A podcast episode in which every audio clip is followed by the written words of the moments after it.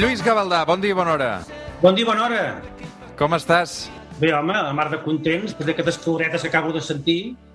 Uh, Déu-n'hi-do, perquè t'han tirat floretes i uh, una mica més i els he hagut d'aixugar amb el pitet, perquè el Roger Mas i el David Caravent, a banda de ser fans del cel obert, um, clar, és que amb una hora de ràdio aquí hem ajuntat uh, el bo i millor del país, pràcticament, eh? Um, Bueno, la, la, la crem de la crem hem ajuntat. el que passa és que tu, tu ets d'una generació una mica uh, la, la, la d'abans d'ells, no?, segurament, Lluís? Ara què m'estàs dient, iaio, no? Molt bé. No, iaio no. No, jo no, perquè, perquè, perquè escolta'm... Jo, jo, eh, soc, jo no sóc antic, jo sóc vintage. Tu ets vintage, sí. Clar, o sigui, no, què tens, 58 anys, no, ara? 58 o 57? Sí, Ah, no ho sé. No, ara en faré 58. També vas ser una estrella del rock molt jove, tu, i, i, i per exemple, una cosa tan important com pot ser la paternitat eh, et va arribar una mica tard, no? Sí, sí, sí, sí. Soc un pare tardorenc, a més a més amb tots els ets i uts. És a dir, amb fill únic, eh, molt, molt emparat, molt enfillat, amb una relació molt intensa, i, bueno, de fet, la paternitat també ho té, això, no? que també és una espècie d'injecció de realitat i és molt saludable pel teu ego. Que, doncs- siguent cantant, diguem-ne que ja el tens bastant inflat. Ja m'ho imagino. Escolta'm, uh, ja que parlem de la paternitat, uh, deixa'm dir que aquesta connexió uh, l'estem fent. Ets al Regne Unit, ets a Londres ben bé? No, no és ben bé Londres, no? És als afores, no, Lluís? No, és una ciutat que està a 30 quilòmetres al nord, que es diu St. Albans, Uh -huh. i que té la mida ideal. Té uns 100.000 habitants, és com una espècie de Tarragona de mida, tot i que visualment és bastant diferent. Doncs després uh, aniré tot això del Regne Unit i, i ben bé què hi fas allà, perquè ja sé que fa una pila d'anys que, que hi corres i que des d'on també graves els teus programes, però ja que em parlaves del teu fill, em va encantar un article que vas publicar uh, fa unes setmanes al diari Ara, uh, on parlaves d'una sèrie de Netflix que estaves compartint uh, precisament amb el teu fill, no? I era uh, Sex Education, que és aquesta sèrie fantàstica que crec que ja han fet un parell de temporades uh, d'un grup d'adolescents no? doncs que, que tenen els seus primers contactes sexuals i, i, i en el que els del protagonista, la seva mare, uh, doncs és, és sexòloga i això també li suposa Sí, sí. un trauma pel, pel, pel nano, pel fill. Aleshores, tu aquesta sèrie, uh, sense saber de què anava, et va trucar uh, veure-la amb el teu fill uh, assegut al sofà de casa, no? Um, que és aquesta edat també una mica estranya en què fa vergonya a vegades als fills i també als pares, segurament, Exacte. parlar de, ara ja parlar de segons què. El nen té 15 anys, llavors ara ja eh, costa trobar punts de trobada. Cada cop eh, els seus interessos i els meus es van bifurcant i t'has d'aferrar als pocs punts de contacte per, per tenir encara aquesta relació. I llavors el que has de fer moltes vegades és apuntar-te al que mira ell, perquè en direcció contrària la cosa està més difícil. I em va parlar d'aquesta sèrie i, i bueno, la vam veure plegats. Els primers 10 minuts em vaig espantar bastant, però després vaig, vaig flipar molt i, i al final vaig acabar dient-li que tant de bona hagués tingut jo una d'una sèrie així quan, quan començava també a tenir els meus fogots i no acabava d'entenir què m'estava passant. Tu vas asseure un dia al teu fill i li vas ensenyar eh, què era un preservatiu i com es feia servir? Uh, bueno, no, encara no, però estic pendent de que m'ho demani. és que, a veure, està a punt, acaba de fer els 15 anys. Jo crec que encara em queden 6 mesos de, de passar per aquí. Espero. Molt bé, molt bé, molt Aquí bé. és que aquí a Anglaterra no, no són tan llançats, saps? Van, més, Ja, van més, ja. més a poc a poc. No, jo és que, um, és a dir, jo recordo això a, a, a casa meva, el meu pare m'ho va fer i crec que va ser com molt aviat, no? I va ser una Ja. imatge molt, vi molt violenta. Aleshores, uh, en tinc un record horrorós de passar una Estàs vergonya eh, traumatitzat fatal. encara, no? Uh, estic encara una mica traumatitzat. I, I gràcies també a aquesta sèrie se n'en fot una mica de tot això i d'aquestes situacions, no? Sí, sí, ho, ho, ho pren com mo- amb molta naturalitat i, i a més a més també amb molt de sentit de l'humor, que crec que és imprescindible. Posem-hi música, va, també, aquesta conversa. It's been a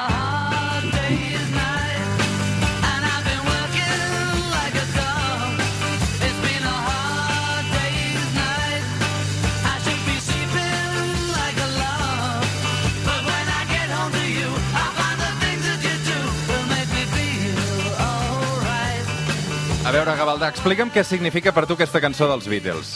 Oh, mare meva. Això és l'inici l'inici de tot plegat. És la meva sex education, una mica. doncs Per què, eh, per què? jo, perquè jo vaig descobrir els Beatles quan tenia 10 o 12 anyets amb una pel·lícula que van fer per la televisió, que es deia Que noche la de aquel dia, que és aquesta cançó. I me vaig enamorar profundament, vaig decidir que jo volia ser allò. O, bueno, o això o davanter del Barça. I, I poc després vaig fer el viatge de fi de curs amb el col·le, a vuitè de bàsica, i me van donar diners per, per si podia comprar, jo que sé, una ensaïmada o així. Vam anar a Palma de Mallorca i em vaig comprar l'LP. És el primer LP que em vaig comprar amb els meus diners. I recordo perfectament tornant de, de Palma amb el ferri i, i tenia el disc a la falda i estava tan, tan, tan enamorat de, de tenir-lo que no vaig dormir per por que me'l prenguessin. Quina sort perquè tu vas proposar i ho vas aconseguir, no? Jo vull ser això i, i Ah, finalment no, a veure, jo volia ser un Beatle, vaig acabar sent un Pep. Diguem-ne que ben bé no és el mateix, però no em puc queixar. Sí, realment era com el meu somni i, i s'ha aconseguit. Ja, ja m'escreix, la veritat, perquè m'ho arriben a dir fa 30 anys i no m'ho hagués cregut ni, ni far de vi. Només imagina't ja amb el nom que ens vam triar quines expectatives de futur teníem. Ah, Una de les coses que ara em deia el Roger Mas eh, és que eh, diu, ostres, el Lluís Gavaldà és un dels grans lletristes de cançons, eh, també perquè eh, és a dir, escriu cançons molt complexes però molt simples, no? És a dir, que, que arriben a tothom a la vegada i que a vegades amb la primera escolta de la cançó ja saps exactament el missatge que vol dir i, i sovint és un missatge profund, eh? perquè parleu de tot i especialment els últims discos. Lluís, però, però això que sembla tan fàcil eh, quan ho escoltes és molt difícil, no?, Ten, també tenir aquesta, aquesta tècnica i aquesta manera que tens tu d'escriure. A veure, no sé què dir-te. Ja m'agradaria que fos veritat tot això que dius. Eh, Intento... A veure, el, el fet d'escriure és una cosa que a mi sempre m'ha agradat moltíssim. I fins i tot me sento més segur escrivint que no pas fent música. Però, per altra banda, per mi el, el gran repte de fer una lletra és l'exercici de síntesi que has de fer. És a dir, que si tu pares a pensar, has d'intentar explicar alguna cosa, però només amb 16 línies. I llavors és molt xulo plasmar una idea en una lletra i després anar podant, podant, podant, fins que al final quedi més o menys entenedor, però sense que es faci feixuc. Això és el que intento. A vegades surt, a vegades no. Doncs va, posem-hi una lletra d'aquestes dels pets.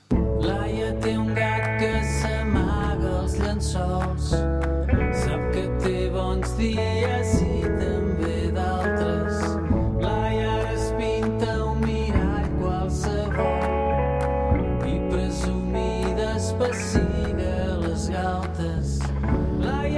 Escolta'm, Gavaldà, eh, què tal pel Regne Unit? Ho dic perquè el pas que aneu aviat et vacunaran a tu ja, no? Perquè és que aneu molt avançats. Sí, sí, sí. Ja, a l'abril ja em toca. És de, de les coses bones que té ser vintage és que ja estic ja en una línia que estic a... Bueno, ja veig la filera ja veig al final de tot. Aquí s'han fet molta via. La veritat és que fins fa tres mesos això era un caos total. Boris Johnson s'estava cobrint de glòria, però amb el problema de la, de la, bueno, amb la història de les vacunes s'ha de reconèixer que s'han espavilat i que van fer una comanda prou gran com per tirar endavant aquesta campanya tan, tan agressiva. Quan temps portes aquí ara? Cinc anys. Cinc anys, déu nhi No sé si... el, que passa, si era... el que passa que també s'ha de dir que, que ara no, perquè hi ha el confinament, però aquests cinc anys me n'he passat, si no la meitat, gairebé la meitat a, a Catalunya. O sigui, vaig i vinc. Diguem-ne que oficialment visc a Anglaterra, perquè a nivell de màrqueting me va molt bé, saps? Fa, fa de guais, fa d'enrotllat, Sí. però me'n fot uns fars. De... No paro de trobar-me gent allà per Tarragona que sempre em diuen la mateixa. Però que no ets a Anglaterra, tu! Jo, sí, però he vingut a treballar. Ah, ah, d'acord. Hi ha gent que es pensa que tinc un croma a, a Altafulla amb el Big Ben al darrere i que tot plegat és, és una mentida. Però no, no, és veritat, eh? El que passa és que està durant, perquè cinc anys, eh, encara que vagis amunt i avall, eh, no sé si era la idea inicial, no? No, no ho era, no. Al principi van venir per un any i per provar-ho. A veure, eh, nosaltres tres, la família Gavaldà Serrano, de, des de que va néixer el nen que, que venim, que no és una cosa que ens ha agafat així en sec. Sempre ens ha agradat venir aquí, passar els estius, passar els Nadals, i va arribar un punt en què vam dir, bueno, allò típic que dius, ai, que, que xulo que seria canviar i anar a viure una temporada fora. I ens vam adonar que el nen estava en una època en què o ho fèiem ara o ja ens engegaria a pastar fang. I vam decidir fer-ho. El nen ens va engegar a pastar fang, però bueno, com que encara és menor, va, haver- no va tenir més remei que venir. I després d'un any doncs, hem vist que, que aquí ja estem bé. que ens hi sentim còmodes. Jo reconec que t'ha d'agradar, però sempre hem pensat que, que la vida és massa curta per viure en un lloc sol. I, i viure, viure a l'estranger és un exercici d'humilitat que va molt bé, que te n'adones de moltes coses que dones per suposades i també entens també tota la gent que viu en altres llocs, que viu, que viu en llocs diferents d'on t'ha nascut. Humilitat, què vol dir per tu el, amb el fet de viure a l'estranger? Que, que passeges i ningú et saluda perquè ningú et coneix? O, o què vol dir? Exacte. Bueno, més que, més, més, sí, seria això, però encara més enllà. És a dir, um, el fet de ser conegut, uh, almenys en el meu cas, que és, una, és, és un nivell molt petit, és a dir, no sóc Paquirrin, doncs principalment el que fa és que la gent sigui més amable amb tu del que tu et mereixes. Uh, I això et malacostuma. T'acostumes a que la gent et malcriï i això no, no és bo. Per tant, venint aquí, doncs t'has de reinventar una mica. I aquest personatge, que a vegades et menja i a vegades et, et fa ser un privilegiat, doncs te'l treus del sobre i, i és com un pes que, que ja no tens. I, I per altra banda, el tarannà anglès a mi em va molt bé, perquè els anglesos respecten molt el teu espai personal. No són, no són gens intrusius. I jo sóc molt d'estar amb mi mateix i de que tinc la part eh, eh, professional, que és com molt sociable, però després, quan surto d'aquesta part, m'agrada estar com molt tancat en el meu castell, amb la meva gent, i doncs eh, aquí és més fàcil fer-ho. Mm -hmm.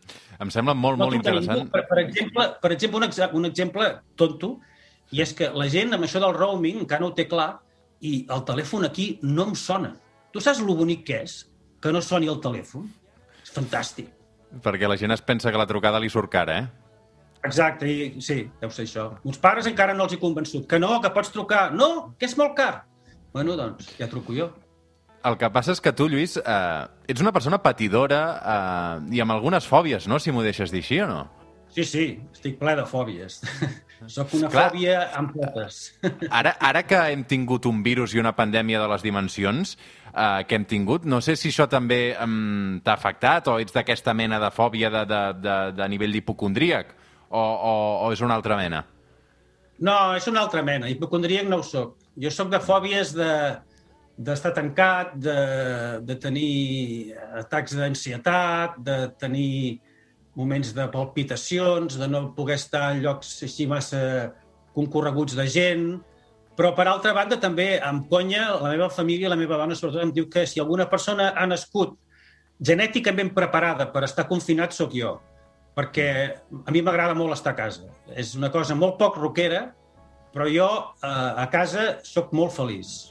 Eh, De fet, amb tot això que explicaves, recordo que fa un temps, eh, quan havies hagut d'aturar la gira de l'àrea petita, eh, va ser precisament sí. perquè havies tingut un d'aquests episodis, no? Sí, sí, sí, vaig tenir un episodi bastant gran. Estava fent un disc a l'à- a l'àrea petita i quan faig un disc se me dispara molt la- l'ansietat. I en aquest cas vaig passar de la línia vermella i vaig haver de fer un reset. Té, té molt a veure amb la pressió i, i l'expectació que hi ha al voltant d'aquest treball, que segurament t'autoimposes, no? Perquè tu ja no has de demostrar absolutament res a ningú. Sí, totalment d'acord. Eh, És una cosa que, que amb, amb l'edat l'hauria d'haver superat ja, però en un estudi de gravació em sento molt insegur. I llavors, doncs, aquesta inseguretat barrejada amb les ganes de controlar-ho tot que tinc és un còctel que no, no se diu gaire bé. Per altra banda, però, um, després d'aquest d'aquest sotrac que vaig tenir, la cosa s'ha millorat moltíssim. És a dir, és una mica lleig de dir-ho, però me va ensenyar, va ser una lliçó de vida. I en l'últim disc, per exemple, m'ho vaig passar bomba fent-lo. Entre que estava allí amb el Joan Pons, amb, amb el petit de Calaril, que és un encant, i, i que l'ambient era super relaxat i tal, jo crec que és el disc que més he gaudit i potser per això també és el disc que, que, que més ben rebut ha estat. Mira, crec que sona de tant en tant que és de l'últim disc. Puja, Sam. Rescata una cervesa sense alcohol.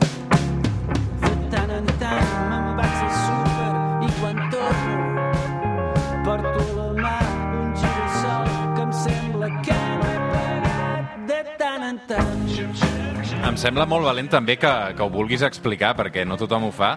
Uh, no sé si en el teu cas tu vas demanar ajuda a professionals, Lluís, o, o simplement uh, treballar amb el petit de Calaril et va, et va curar.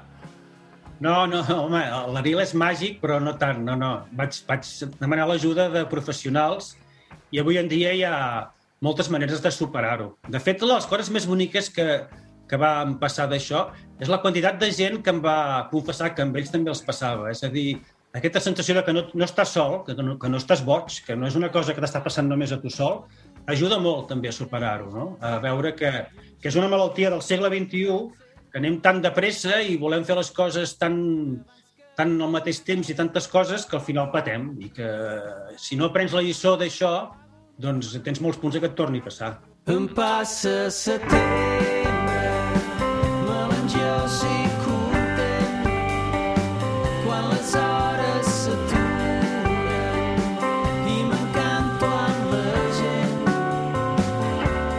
Som al suplement, som a Catalunya Ràdio, aquest que sentiu és el Lluís Gavaldà, amb connexió amb el Regne Unit, la bonica vila de Sant Àlbams, m'has dit?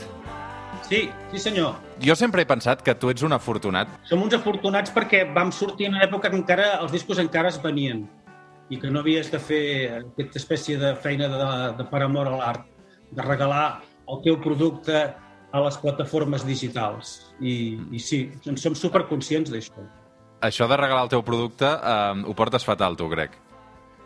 Sí, molt. Crec que és l'estafa del segle. És a dir, les, les, eh, les companyies eh, de telefonia mòbil eh, són les més cares d'Europa i el producte que, pel qual són tan cares és el nostre, el que fem els artistes. Les pel·lícules, les cançons...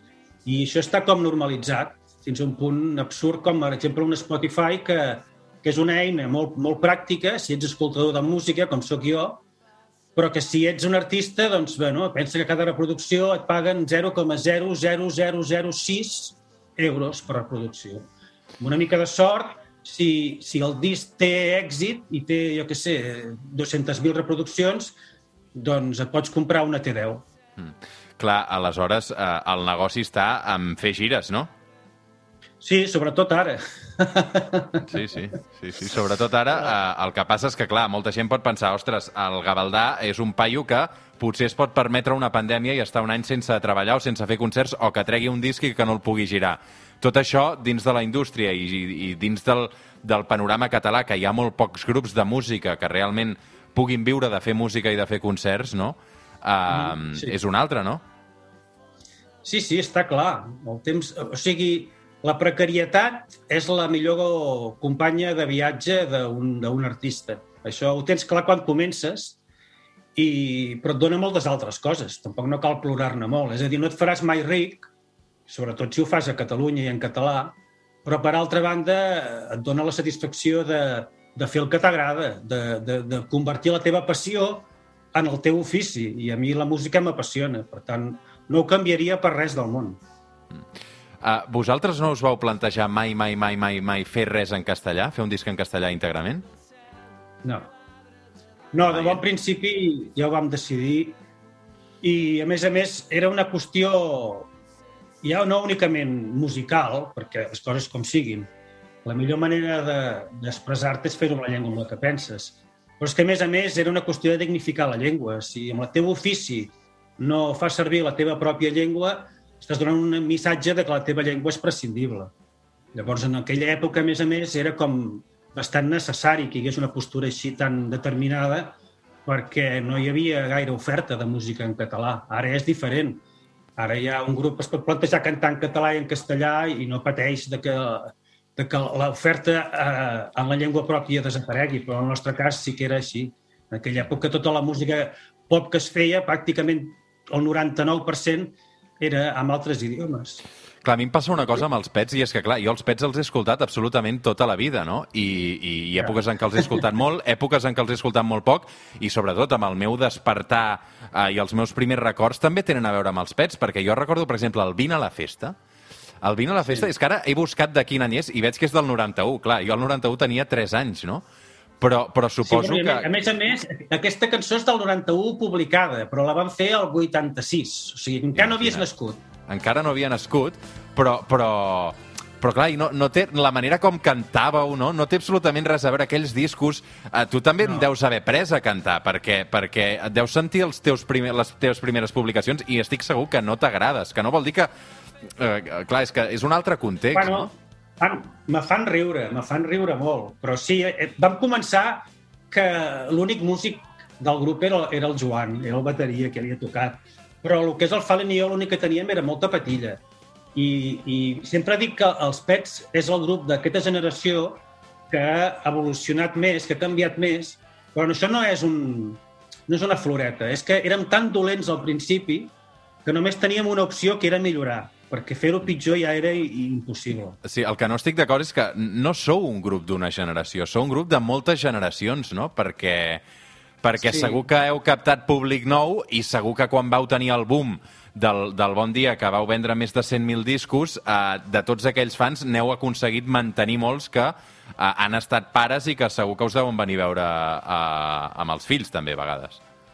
Sí, ha, els concerts dels Pets és curiós perquè hi ha, hi ha moltes, moltes famílies juntes, no? pares i fills aplegats, però clar, vam tenir un primer boom amb el rock català, amb el S'ha acabat el Tarragona m'esborrona, després un altre amb el Jo vull ser rei, després quan ja la cosa s'havia d'acabar va sortir el Bon Dia, després va passar agost i diguem-ne que anem com incorporant, clar, per tenir una trajectòria llarga o incorpores públic nou o al final es va primant, es va primant el teu seguiment i al final acabes que ja no en tens. Tens la sensació que Jo vull ser rei, si el traiessis ara, l'any 2021, potser te'l censurarien? O, o potser et cauria alguna demanda, com ha passat amb Pablo Hasél o amb el Tònic, o no? Sí, clar, clar que la tinc. Jo crec que la, la tolerància i el nivell de llibertat d'expressió s'ha anat eh, minvant en aquests últims anys d'una manera terrible. Estem ara mateix en un estat policial en el que l'establishment no te'n deixa passar ni una i hi ha un punt de gairebé de democràcia russa ara mateix a, a Espanya que fa moltíssima por. A mi aquestes, aquestes condemnes a, a gent... És que m'indigna tant perquè més enllà de que t'agradi o no t'agradi el que diguen, això va més enllà d'això, no? Va en el sentit de que tothom ha de ser lliure de- d'exposar la seva idea i després tu ets lliure d'escoltar-la, no escoltar-la, que t'agradi i que no. Però fer aquest tipus de censura i a més amb penes de presó, trobo que el, que el Hassel som tots, som tots, és a dir, és una mica la cita de Bertolt Brecht, no? Que al principi penses que només agafaran els altres i arriba un dia que ja no queda ningú i van a per tu, si no fem res. El nen ja dorm,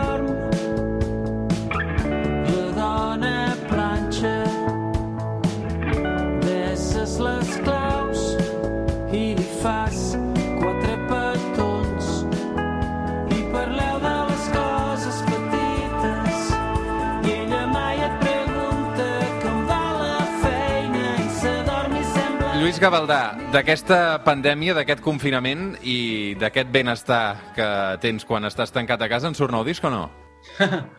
Bueno, la, la primera tongada de la pandèmia vaig, vaig fer molta, molta feina, pens que vaig pensar que potser el món s'acabava, però ara ja, bueno, tinc, tinc coses fetes, però eh, tinc un problema, i és que ara crec que és el pitjor moment per treure un disc, perquè crec que el 99% del col·lectiu musical han fet tantes cançons que ara mateix hi haurà com una espècie de pandèmia musical, sortiran 30.000 discos dobles i quasi que els treguin ells primer.